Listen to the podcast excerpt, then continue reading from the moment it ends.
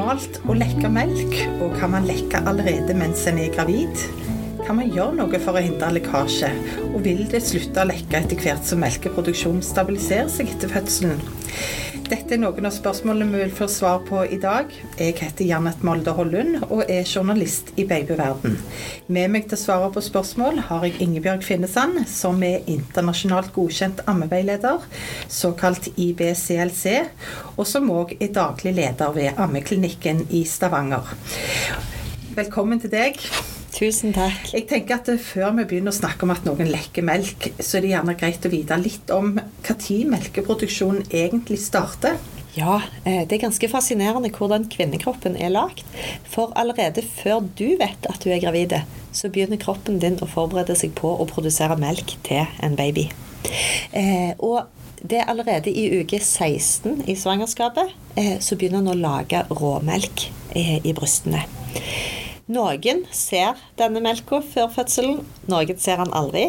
Eh, det er ingen grunn for bekymring om du ikke merker noe til noen som helst melkeproduksjon før du har født. Det er litt viktig å si. Mm. Men noen merker altså såpass at de òg lekker og blir våte i ja. BH-en? Ja, noen kan merke liksom at, eh, at eh, de får flekker på klær og, og i BH-en. Og hvis du klemmer på brystene, at det kommer dråper med melk ut allerede så tidlig som uke 16. Men det er ikke farlig? Det er ikke farlig. Eh, hvis du klemmer ut noe, så er det ikke sånn at du bruker opp dette her, for det vil lages nytt. Eh, og det som er fascinerende, det er jo at kroppen tilpasser denne melka.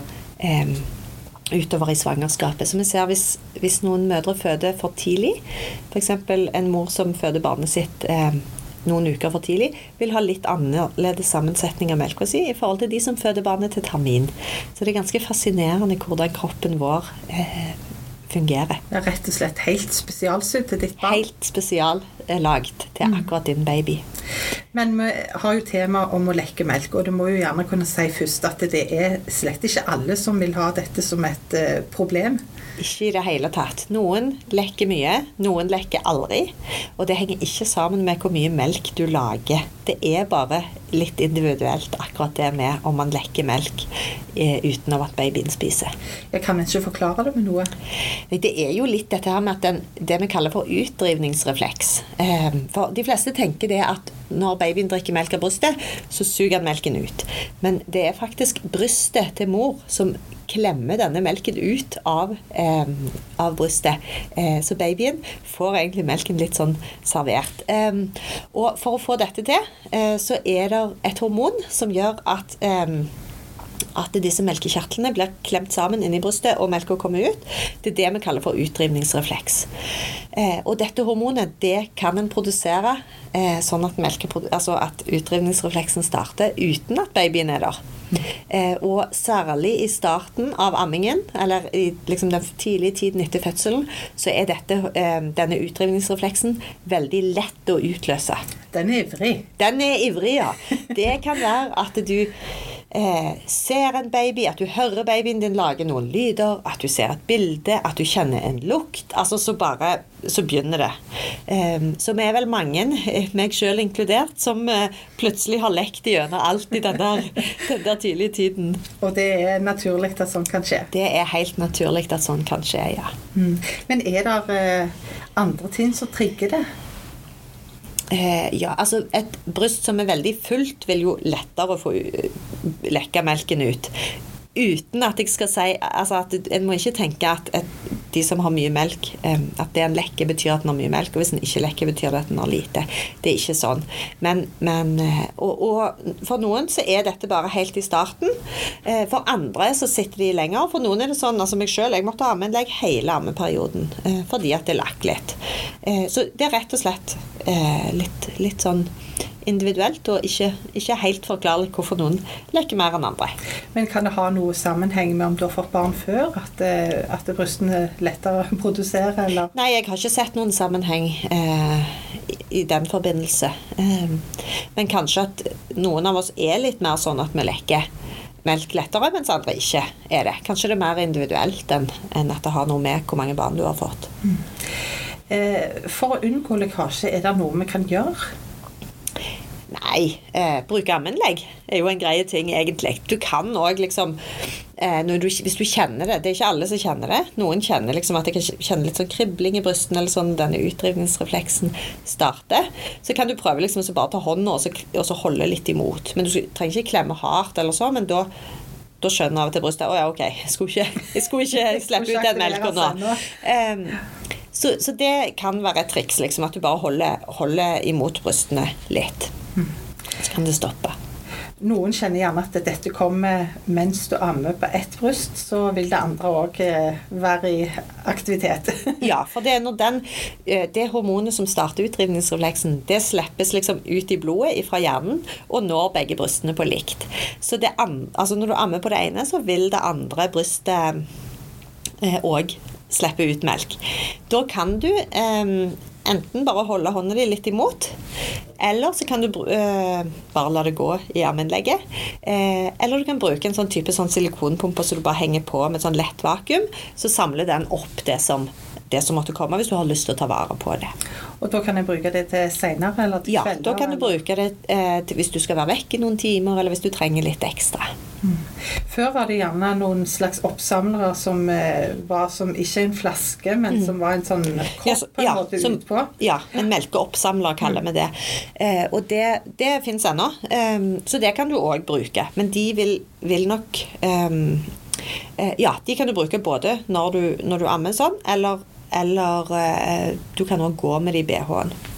Men hva vil det gjøre med melken? Må den tas helt fersk hele tiden? Jeg tenker Hvis du går og samler opp, går ja. noen timer, blir den melken sur?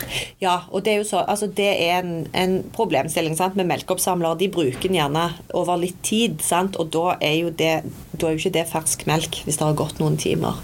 Eh, så da er det en melk som du enten må gi med en gang, eller så må du eh, kaste den. Hvor lang tid tenker du det kan gå? Altså, vi sier jo, altså Det vil òg komme an på hvor godt disse er rengjorte på forhånd. Sant? Hvis du har vasket de og kokt de og sånn, og går med de på, eh, så går det jo an også liksom, etter en liten stund og se om det er noe oppi, og så tømme det av hvis det er sånn at du vil ta vare på det eller skal gi det til babyen. Men så er det jo òg en ting hvis du bruker de melkeoppsamlerne hele tida så vil jo, når melkeutdrivningen starter utenom at du ammer, så vil det jo renne mye mer. sant? Fordi at da får du ikke ingenting trykk imot mot selve brystknappen. Mm. Eh, så, da, så, så, det er gjerne ikke noe du skal satse på å bruke over lang tid. Men det er klart, hvis du vil ta vare på akkurat det som kommer ut når du ammer, eller hvis du føler behov for å ha de på en stund, så kan du det. Men det er ikke, det er ikke nødvendigvis noe du skal gå med hele tida. Nei, så det er ikke så hygienisk rett og slett at det er ikke sikkert den melken er bakterielt ok å gi til barnet hvis du ja, hvis, lenge. Hvis du har gått i flere timer med det, tenker jeg, så, mm. så skal du jo tenke på det. Mm. Men nå er det ikke melkeoppsamlere igjen. De fleste vil bruke de bruker innlegg. Mm. Eh, da har vi hørt om både de i papir og de i ull. Og mange tenker jo ull, det er bra alltid. Eh, hva tenker du? Ja, eh, de i ull de, Det som jeg ofte syns blir en problemstilling med de, det er jo at, at det lekker Altså det kan bli litt mye, sånn at det leker gjennom de. Og så at de er veldig store. Sånn at de ofte ligger sånn klumpete inni, inni BH-en. Så jeg pleier å si at det, eh, For vi vil jo ikke ha disse her, altså at det er klumpete inni BH-en, for da kan du få tette melkeganger. Så jeg pleier å si at det, en, bruk et innlegg som passer inni BH-en din. Og hvis du på en måte tenker på det at du, at du, at du gjerne blir fuktig og sånn, og at, at, det er ubehagelig, så ta en ulltrøye på heller, for da er du varm over, over det hele. Eh, sånn engangspapirinnlegg, de er eh, de er jo eh, mer sånn som, altså bygd opp sånn at de holder, holder på melken, og at overflaten òg er tørr inni. Eh, så, så, men der òg er vi jo altså Det er jo individuelt. Det finnes òg engangsinnlegg av andre ting, av bambus eller sånn. Eh, finn det som fungerer for, for deg. Du har òg noen av de bambusinnleggene som har sånn sperrelag i midten, eh, sånn at det ikke lekker så fort gjennom de. Men pass på at de, at de passer liksom inni bh-en som du har på deg. Men så tenker jeg det må vel òg være et poeng at ikke det går rundt med fukt hele tiden på ja. brystet, for ja. da kan du vel få sår? Ja, altså huden har jo best av at, at det ikke er fuktig hele tiden. Så, så det kan være greit å sjekke ammeanlegget, i hvert fall når du ammer. Da tar du det av, så da er det greit å se, se, på det at det ikke er, er veldig fuktig. Eh, og at du bytter det med jevne mellomrom. Mm. Noen har òg opplevd at det kan henge fast i brystet hvis det har vært vått, og så tørker det litt igjen, og så Ja. der det sår og en river det av. Ja, og det, det er jo det som kan være en utfordring med enkelte papirinnlegg. Så bare altså, vær litt forsiktig med brystene dine i den første tiden. Sant? Så det som er greit å tenke, det er at du, når du skal åpne opp sant? du gjerne har, sant? Du har amme-BH, så har du et ammeinnlegg. Ikke bare riv det av, men liksom ta det litt forsiktig. Og så hvis du ser at det henger fast, ikke riv. Da tar du også bare klemme ut melk. Altså at du klemmer ut melk, altså at du tar tak utpå innlegget på en måte, eller sånn du kommer til.